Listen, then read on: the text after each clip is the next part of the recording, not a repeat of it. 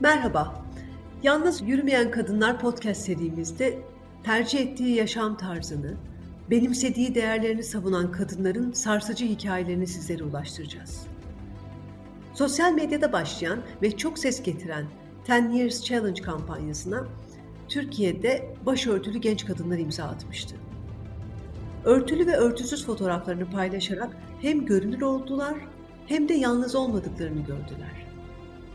Yıllardır yalnız yürümeyeceksin platformuna akan mektuplar, kendiliğinden yükselen bu hareketin sebebi değilse de dip dalgasıydı.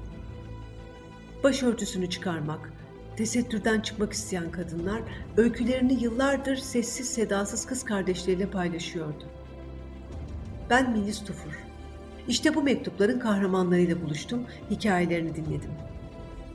Yalnız yürümeyen kadınların etkileyici ve ilham veren öykülerini anlatacağımız program serisine hoş geldiniz. Konuklarımızın talebiyle bazı görüşmecilerimizin sesleri değiştirildi, kimlikleri gizlendi.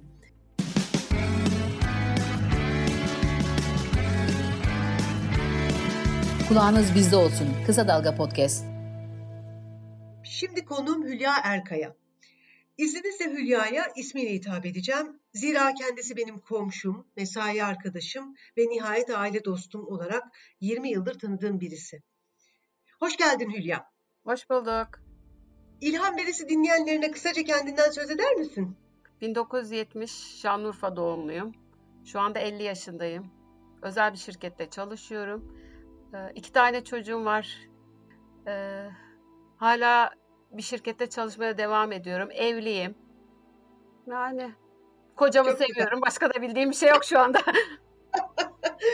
Peki e, Hülya biliyorsun konumuz tesettür. Evet. E, sen de e, bizi bu konuda enteresan öyküsü olan e, kadınlardan birisin. Çünkü 35 yaşında, 34-35 yaşında e, başörtüyü çıkardın, tesettürden çıktın. Evet. Şimdi biz bu öyküyü senden dinlemek istiyoruz. İlk ne zaman tesettüre girmiştin hatırlıyor musun Hülya? Nasıl olmuştu? Kendi rızanla mı yoksa ailenin talebi ya da baskısı üzerine mi? Ee, ilkokulu bitirdikten sonra ortaokula gittim. İşte liseye başlayacağım sene e, babam tabii ki kapanmamı istedi. Hatta ortaokulun sonundaydı. Ortaokul son sınıfında ben kapandım. Tabii ki babamın ve ailemin isteğiyle oldu. Annem çok şey yapmadı ama babam çok baskıcı olduğu için çok muhafazakar bir ailede yetiştik çünkü. Benim amca kızlarım benden daha küçük kapanmıştı. Babam tabii bunun üzerine sen kapanmadın, işte okula gidiyorsun, işte geliştin. Kemal'in kızı dışarıda açık geziyor, arkamdan bana laf gelecek diye benim orta sınıf, ortaokul son sınıftayken kapandım ben.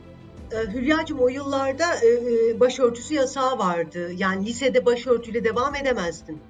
Bu senin eğitim hayatını etkiledi mi? Zaten liseye gidemedim. Babam zaten e, ilkokulu bitirdin, ortaokula geçtin, işte geliştin, büyüdün, e, okuma yazmayı öğrendin, okuyup da daha ne olacaksın diye beni zaten bir engelledi. O devirde hı hı. lise iki, ta, iki türlü liseler vardı. Kapalıların da lisesi vardı. Normal karma Urfa Lisesi vardı. Onda da insanlar örtülü de açıkta gidebiliyordu. Kimse onlara orada şey yapmıyordu.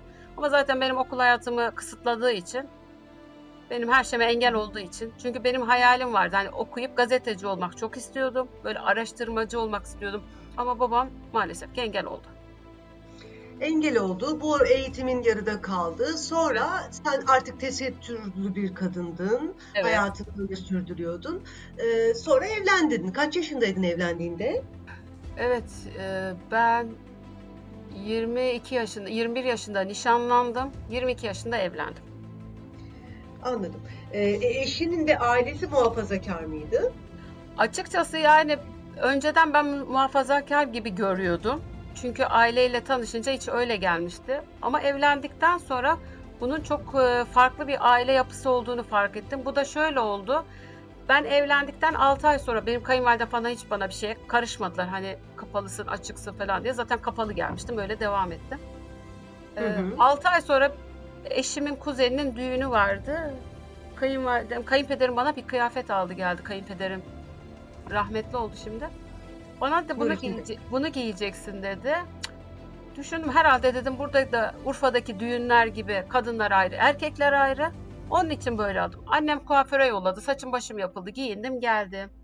Eşim geldi. Hep birlikte ailece düğüne gittik. Şimdi ben düğün salonundan girirken baktım eşim de giriyor. İşte kayınpederim giriyor. Anneme döndüm dedim ki e, düğün erkekti benim başım açık. Baban kızar dedi. Yani sonuçta herkes gençsin dedi. Saçını yaptırmadan düğüne giremezsin. Yani giyinip şey yapacaksın. Ben o zaman çok böyle bir önce bir tuhaf oldum. Hani Hmm, ben ne Çok yaptım? enteresan. Evet ben ne yaptım? Nasıl oldu falan dedi. Ya kızım dedi gençsin kayınvalidem. Sen gençsin. Yani sonuçta bu bir düğün. Başın örtülü oynayacağına. Zaten içeride tanıdık insanlar var. Bizim için problem değil dedi. Ve hatta ben o düğünde kayınpederimle de oynadım yani. Ondan sonra ve hangi düğün olsa düğünde açıyordum. Ama diğer zaman zaten kapalıydım. Aa, bu çok enteresan. Bunu ilk kez e, dinliyorum ben de senden. Düğünler dışında hep kapalı, e, Hep sosyal hayatta kapalıydın. Evet. Ta ki 2004 yılında seninle birlikte çalıştığımız iş yerine gelinceye kadar. Anlatır mısın o zaman neler oldu? Aslında e, işte çay- çalışmak gibi bir hayalim yoktu önceleri. Yani hiç e, çünkü baba evinde de hiç çalışmamışım. E geldim koca evinde çok rahat bir ortamdaydım. Hiçbir çalışma imkanı düşünmüyordum. Çünkü ondan önceki mesela Merve'nin doğduğu sene ben Mer Mustafa'nın doğduğu sene ben ehliyetimi almıştım. Kocam arabamı almıştı ama hiç böyle bir çalışma hayalim hiçbir zaman olmamıştı. Hı Nasıl hı. ki kayınpederim evini Urfa'ya götürdükten sonra e, 2003-2004'te galiba bir olaylar olduğunda bu piyasalarda göçünce biz bir haciz yedik. Haciz yedikten sonra bir bir bocalamaya başladık. Eşime bir yardımım dokunsun diye bir şey yaptım. Hani bir şeyler yapmam lazım. Benim bir şeyler üretmem lazımdı. İşte Hı hı. boncuk işimi yapayım, işte onu mu yapayım, bunu yaptığımda eşim üzülmeye başladı. Yapma gözünü yorma, işte elini yorma falan dedi. Ee, benim bir komşum vardı Mahmure Hanım. Onunla iş arayacağım ben dedim. Nasıl yani dedi. Evet iş arayacağım dedim. Biz onunla birkaç yere iş başvurusuna gittik. Yemek yapabilirim çünkü en iyi elimden gelen bir şey. Bir yerden çok kızdık çıktık ikimiz. Adam beni karısının yanına şey alıyordu. komi gibi alıyordu yani. Sen bulaşıkları yıkarsın, masaları temizlersin, karım yemekleri yapar diye falan. Orada. Mamure abla kulağı çınlasın bu Urfalı bak çok güzel yemek yapıyor falan dediğinde adam hiç umursamadı. Ben de Karadenizliyim falan demişti. Çok kızmıştı. Sonra sanayide falan böyle işler şey yapınca Mahmure abla bir gün beni aradı. Hülya sen gerçekten çalışmak istiyor musun dedi. Evet dedim. Gerçek mi diyorsun dedi. Gerçek diyorum dedi. O zaman dedi sen dedi Melis'le bir görüş dedi. Seni dedi bir iş var onu ayarlayacağız. Ben tabii hiç bende o umut yok. Allah rahmet etsin. Kayınpederim yine bizde. Babama dedim ki baba dedim böyle böyle bir iş var dedim. Beni çağırıyorlar. Aradı dedim böyle böyle konuşuyor. Sen bilirsin senin hayatın dedi. Sen nasıl mutlu olacaksan öyle yap. Gidersin yapamazsan gelirsin dedi. Kimse sana karışamaz dedi. Ee, ne tesadüf ki aynı günün öğleden sonrası Melis aradı beni. Hemen gelip görüşmen gerekiyor diye. Ve ben o zamana kadar hiç tek başıma ne bir minibüse binmişim ne bir şey. Çünkü her yere arabayla giden, her şeyi arabayla yapan biri. Ama o aralar tabii ki böyle bocalama devresindeyiz. Bana şey verdiler işte Melis anlattı şuradan inersin buraya binersin falan. Neyse indim gittik şirkete. Yine hiç umudum yok. Çünkü o zamanın e, asistanı bana şey dedi. O kadar çok insan var ki sırada dedi. Sen biraz zorsun ama dedi. İşte e, şey dediler dedi. E, işe ihtiyacı var onun için. Sen dedi şimdi işe başlarsın. E, bir sene sonra kocanın durumu düzelirse işten ayrılırsın. Onun için dedi Hmm. biraz seninki zor. Ben de dedim ki o da zaman gösterir. Ben de ne olduğunu bilmiyorum. Ama ben işten çıkmak için işe girmiyorum dedim. Bunun için dedim sadece sizden tek isteğim var. Beni 15 gün çalıştırın. Yapabileceksem yapayım, yapamayacaksam dedim beraber karar verelim. Tamam hı. sen bir git de dediler. Ee, sırada çok insan var sana dönüş yapacağız. Ben de tamam dedim. Ee, geldim eve. Akşam saat 11'de arandı yarın işe başlıyorsun diye. Yani böyle gerçekten bu kadar çabuk olacağını tahmin etmiyordum. Tabii burada Melis'in çok rolü oldu onu biliyorum. Ama hani çok umutla bakmamışlardı bana. Hatta benim işe başladıktan sonra çok yakın çevremden yani mahallenin içinden Ay Hülya en fazla 6 ay çalışır 7. ay işten çıkar zaten Baki buna izin vermez. Hülya da çalışmaz diyorlardı. Hmm. Bu arada ama tesettürlü başladın işe değil mi? Ve işe tesettürlü başladım. Şöyle başladım. Ee, başım kapalı işe girdim. Yalnız orada o zamanın asistanı e, bana şöyle dedi. Başörtülü kimseyi içeri alamazlar dedi. Ee, sen dedi başını açacaksın. Tabii bu benim için çok büyük bir şey oldu. Çünkü şöyle bir şey. İlk zamanlar evet düğüne giderken falan ben de açıyordum ama aradan zaman geçtikten sonra ben açmamaya başladım. Çünkü kendimi bir garip hissediyordum. Hani He. niye açayım ki düğünde niye açayım? Başörtülü de oynayabilirim falan diyordum. Ama hiçbir zaman dediğim gibi kayınvalidem, kayınpederim bana karışmadılar. Sen bilirsin dediler. Yıllar sonra ilk kez erkeklerin de olduğu bir ortamda başını açmak durumunda kaldın. Aldım. İş Evet.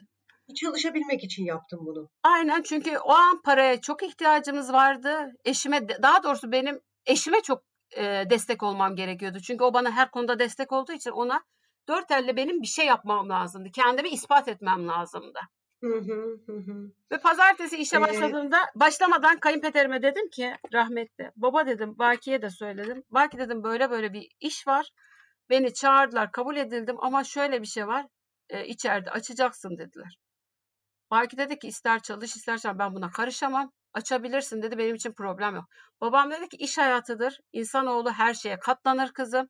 Çalışmak istiyorsan açabilirsin. Çalışmak istemiyorsan bu senin özgür iraden. Biz karışamayız dedi. O beni çok rahatlattı. Ama ilk hı. işe gittiğim gün sabah erken gittim işte. Tuvalete Hımm. gittim, başımı açtım ama o gün yani böyle durmadan böyle bir hatalı bir iş yapmışım. Sanki böyle bir yerim çıplakmış gibi düşünüyordum kendime. Hımm. Nasıl olacak? Nasıl çalışacağım? Böyle mutfağa bir giren çıkan olduğu zaman bu arada mutfakta işe başladım. Böyle hı. bir korku hali, böyle bir vücut titreme hali falan böyle bir onun tedirginliğini yaşadım ama bir hafta sonra tabii yavaş yavaş alışıyorsun. Ama bizim öyle bir şirket ki hani medya sektörü olduğu için geceleri oluyor, eğlenceleri oluyor. Gitmek istemiyorsun, seni yadırgıyorlar. Niye gitmiyorsun, niye girmiyorsun? Ortama girmen lazım diyorlar. Eşime söylüyorum git diyor. E belki diyorum gidersem işte başımı açmam lazım. E bu sefer orada açıyorsun, dışarıda kapalıyorsun. Çok kötü. Üç sene öyle idare ettim. Bazı ortamlara girdiğimde kapalı girdim. Tanımadılar beni. Bir tuhaf baktılar. Bazen açtım girdim. O zaman daha farklı baktılar. Yani o beni böyle bir yadırgattı. Üç sene zor çalıştım. Yani zor çalıştım derken çünkü bana çok baskı vardı. Ben Hı hı. söylüyordum hani başımı açmadan çalışamaz mıyım? Asla. O zamanımızın asistanı, o zamanınki duruma göre olmaz, izin vermezler. Evet şimdi şirketimizde kapalı da çalışıyor. Çünkü gerçekten insanların beyin yapısına bakıyorlar. Eskiden Evet. hayal gücüne veya beynine bakmıyorlardı insanı.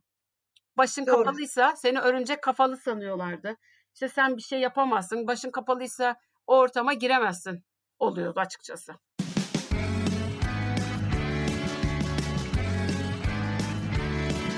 Kulağınız bizde olsun. Kısa Dalga Podcast. Evet. 2007'den sonra e, tamamen açtın. Nasıl bu kararı verdin? Yine sen tek başına verdin bu kararı. Kendi E, başıma verdim ama şöyle oldu. Eşimin çok büyük desteği oldu. Mesela bana şey dedi. "E, Hülya çok zorlanıyorsun. Ben seni görüyorum dedi. Çünkü ağlıyorsun dedi. Yani içeride açıksın, dışarı çıkıyorsun, kapanıyorsun. Bir anda bir evrak geliyor aşağı iniyorsun. Böyle bir tuhaflık hissediyorsun. Ben senin bu şeyinin farkındayım dedi. İyi düşün, karar ver dedi. Yani bu böyle olmaz. İşte o zaman 34-35 yaşında falandım. Bir gün dedim ki ben belki başörtüsüz işe gideceğim. Yapabilirsem böyle devam etmek istiyorum. O da dedi ki zaten ben sana hep söyledim. Sen bir türlü kabullenemedin. Çünkü ben ailemden korkuyordum. Ee, bana bir şey söylerler diye.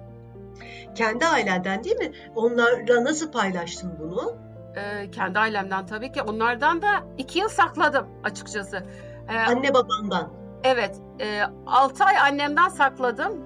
E, işte Urfa'ya gidecektik gezmek için. Anneme dedim ki bak ben böyle böyle bir şey var. Başım açık geleceğim. Ben babamdan saklıyorum. Problem değil. Gel işte alıştıra alıştıra söyleriz falan demişti. İki yılın Hımm. sonunda Urfa'ya gitmem gerekiyordu. Ben valizimi hazırlarken yanıma bir başörtü aldım. Oraya gittim. Hiç unutmuyorum. Allah gani gani rahmet etsin.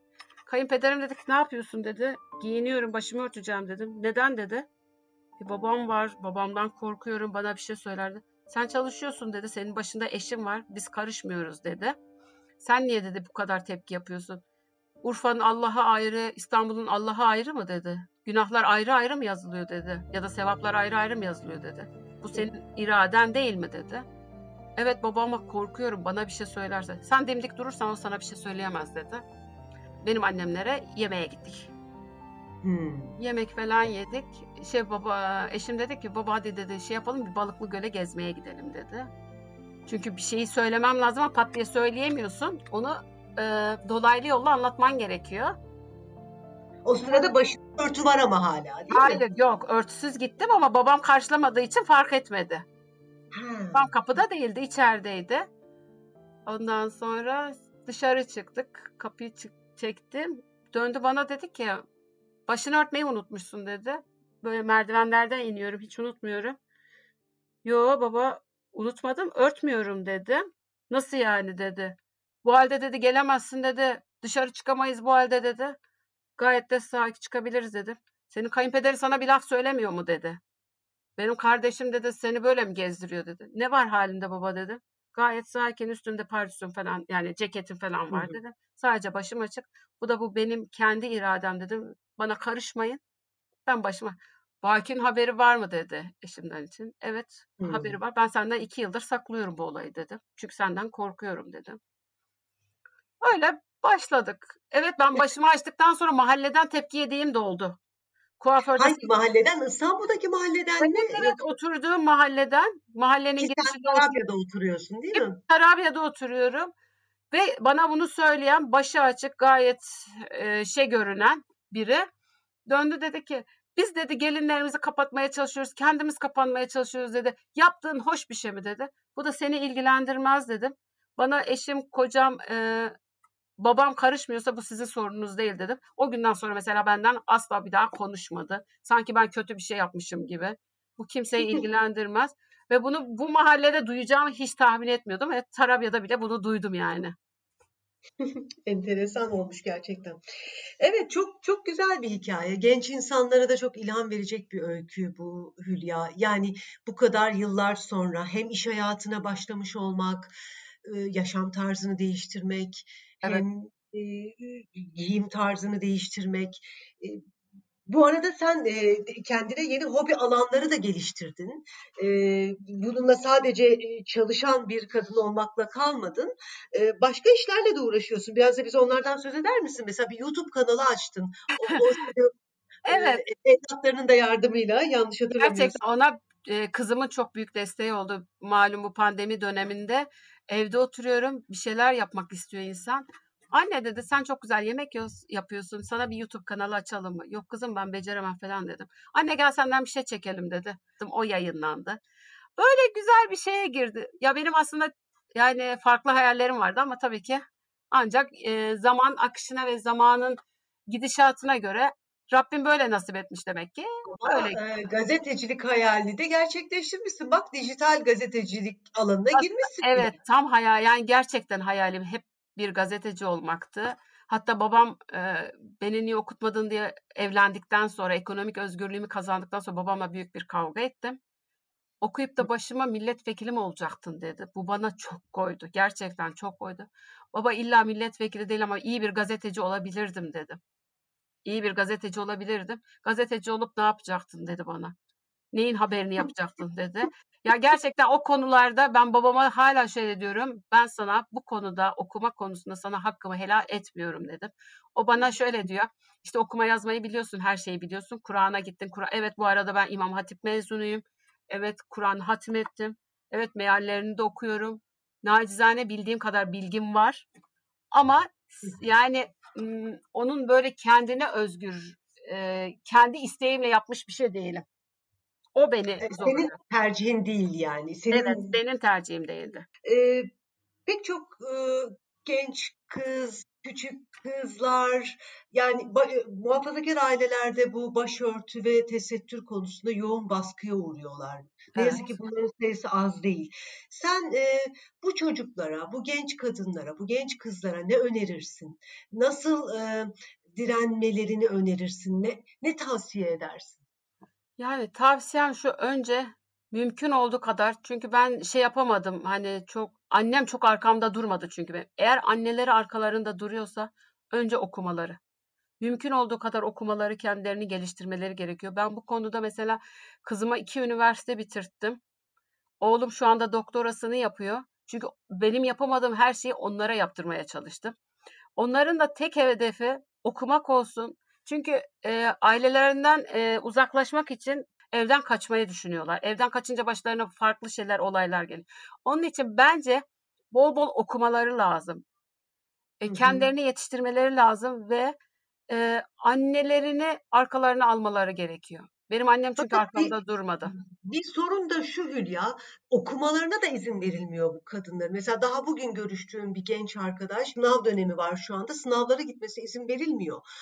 Hatta üst lisans yapan bir abisi var, o bile, o bile engel oluyor buna. Hani sadece dini baskı değil, ahlaki baskı da devreye giriyor.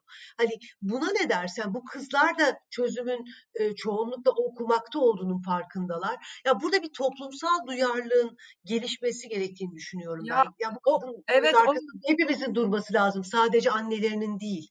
Evet, e, çevre de çok önemli. Çünkü benim mesela okumamın biraz engelledi. Babam evet koymadı ama mesela ben amcam öğretmendi. Amcamla konuştum. Amcam gelip akşam babamı idare edecek güya işte beni okula yazdıracak falan diyor.